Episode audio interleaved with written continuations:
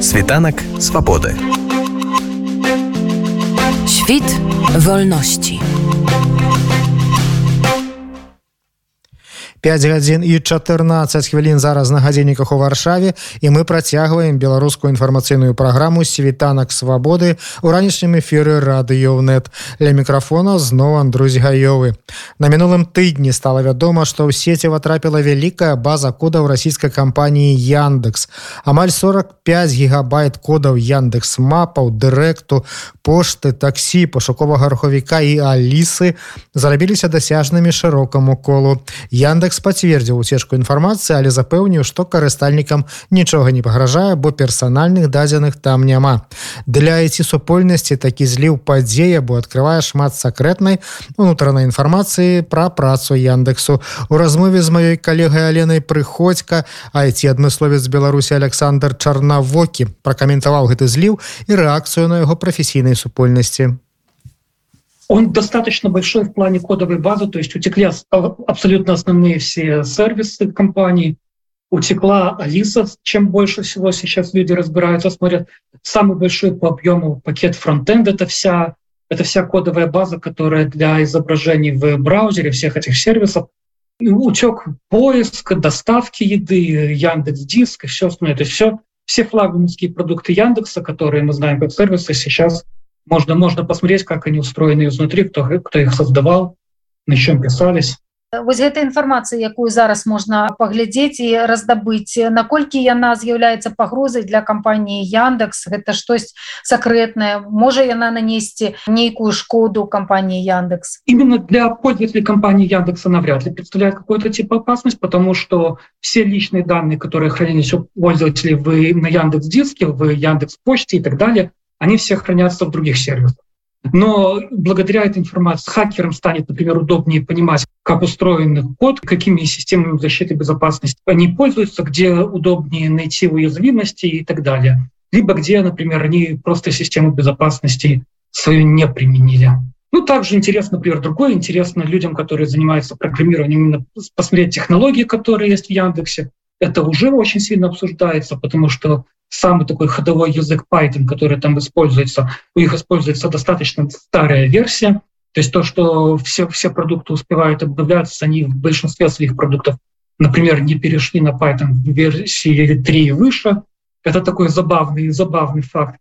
И так далее. То есть можно, можно посмотреть, как, какие вещи у Алисы внутри под капотом стоят как, для, как блокираторы. То есть когда Алиса работает как искусственный интеллект, а когда она работает как по предзаданным вопросам, на какие она, например, отвечать не будет. Ну, это как бы люди знали, кто пользовался Алисой, то это можно было просто догадаться по многим ответам на ее вопросы, а теперь это подтвердилось. Такого ўзроўню зліў дадзеных як ён стаў магчымым очень много версий есть как он стал возможным из-за кого и кто это сделал фактически просто в Яндексе когда-то была мон монорепозитория то что называется когда все хранилось в одной базе, весь вся кодовая база хранилась под одним общим паролем и была доступна всем пользователям. Потом они разошлись на много репозиториев, что мы сейчас видим. И, скорее всего, в хорошей компании вряд ли устроено так, чтобы человек, который имеет, например, доступ к Алисе, одновременно имел доступ к движку Яндекс Еды или Яндекс Картам. То есть, скорее, если это сделал какой-то человек изнутри компании, то это человек с очень высокими уровнями доступа, то есть их там счет даже не на сотни идет, фактически на десятки. Скорее всего, со временем мы это когда-то узнаем, но явно это сделано не с целью заработать, потому что база выложена бесплатно в общий доступ. Часто бывают сливы приватных баз данных, когда выкладывают что-то и продают потом, то есть за каждое скачивание просят какие-то биткоины определенные, то здесь этого э, нет. Скорее всего, преднамеренно сделано, чтобы показать, как компания работает. Бывает такое при массовых сокращениях, что люди на прощание просто мстят своей компании забит. Может еще что-то. Мы со временем когда-нибудь это узнаем, на данный момент это неизвестно. От таких вещей как бы в компании трудно предостеречься. Такие подобные сливы, например, уже и были. Честность как бы людей, которые работают, их доверие. В многих компаниях, многих банках проходят люди на полиграфе, проходят дополнительные проверки, все, все имеющие доступ люди, которые чтобы они это никак не распространяли, не проверить их благонадежность.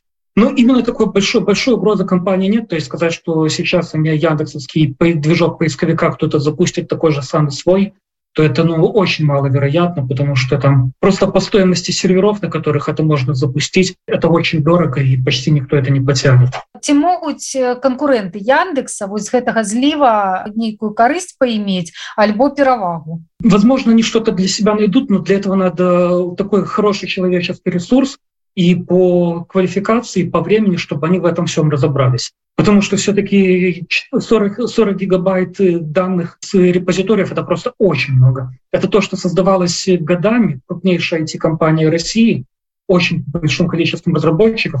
И даже, даже просто когда человек приходит на проект, он, ему, к нему приходит какой-то ментор, представляется, который ему объясняет, как с этим разбираться и куда идти. А тут у тебя ментора нет, только код, и это надо иметь и большой талант, и много времени, и большую квалификацию, чтобы, чтобы оттуда во что-то вынести. Но попытки такие, я думаю, будут. Скорее всего, да, кто-то кто-то что-то почерпнет для себя. Такой абсолютной угрозы такой, что типа, что все сейчас компания развалится, акции упадут, и конкуренты все растащат, такой угрозы, конечно, нет Но какие-то определенные потери, там, в том числе и в репутацию компании будут. Ну то бок такого узроўня злівых это ўсё ж таки чалавечы фактор это не аўтоматыка подвела в данном случае конечно автоматика возможно возможно дело в автоматике если идет вопрос именно о сливе нескольких репозиторий с разных мест в таком случае конечно компания следовало бы подумать о том чтобы доступ одновременно к нескольким сервисам хранящимся которые должны храниться в разных местах имели только исключительные люди то есть чтобы ну, даже не на десятки шел счет а фактически один CTO и пару человек, которым он абсолютно доверяет. Тогда будет хоть пропадать не, не целиком кодовая база, а только лишь отдельные ее куски. И, соответственно, когда выходят отдельные куски, легче расследовать, находить причину утечки и сразу же, соответственно, затыкать дыры, менять, менять там пароли, менять систему доступа, менять ключи.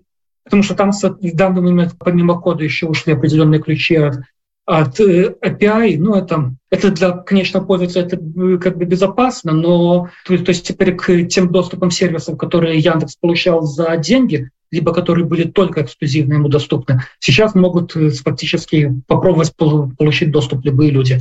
И, ну, и пользоваться, пока, соответственно, все эти ключи не поменяют, не переделают ты узгадаў что все ж таки пэўныя іміджавыя рызыкі і страты кампанія панесе якія могуць быць іміджавыя наступства просто будут люди именно знать знать заранее в какую компанию не идти работать например программисты потому что то что то что там качество написанного кода ну например ну не соответствует тому как как, как Яндекс себя заявляет. Фактически люди будут знать, что то, что на жаргоне называется, с ними там ну, работают крысы, которые способны на слив, на слив информации, на передачу данных, которые находятся ну, внутри компании, внутри твоей команды. С такими всегда неприятно работать с людьми, и просто как бы ты понимаешь, что пока их не вычислили, и, ну и адекватно не вычислили, не просто назначили виновного, а не нашли виновного с его целями и мотивами, то как бы в компании в компании это будет просто ну как бы такой репутационной проблемой. Ну и вообще то есть просто и сейчас интернет просто все люди в форме профессиональной форме людей которые занимаются программированием безопасностью искусственным интеллектом для это для их тема тема номер один то есть пообсуждать посмотреть поговорять как там устроено посмеяться посмеяться иногда что внутри кодовой базы находится.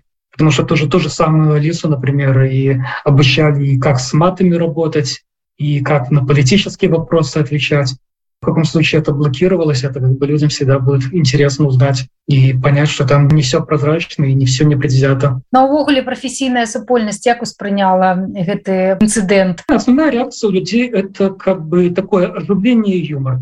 То есть ну, есть, есть про что поговорить, есть чем поразбираться, есть э, какие свои старые предположения вынести в как бы вынести в общее обсуждение, чтобы посмотреть, что там устроено из, изнутри, как вот это вот, например, как работают поисковики, могут ли эти новости предвзято, не предвзято фильтроваться, и все-все в таком духе. Ну и, конечно, людям, например, вот что уже заявлено, что я не имел возможности проверить, потому что я не сильно специалист в этом вопросе, но уже, например, кто-то сказал, что Алиса, система Алиса, например, действительно ваши голосы вас подслушивает и сливает ваши данные.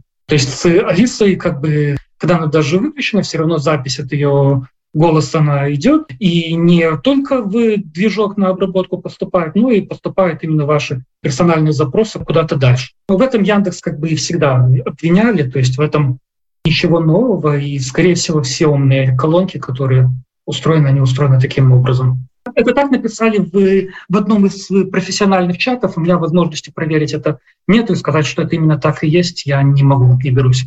Ну а калі гэта робіцца навошта гэта робіцца для того каб просто штучны інтэлект навучаць альбо гэтыя дадзеныя могуць кудысьці уходить і потым спрацоўваць супраць чалавека напрыклад.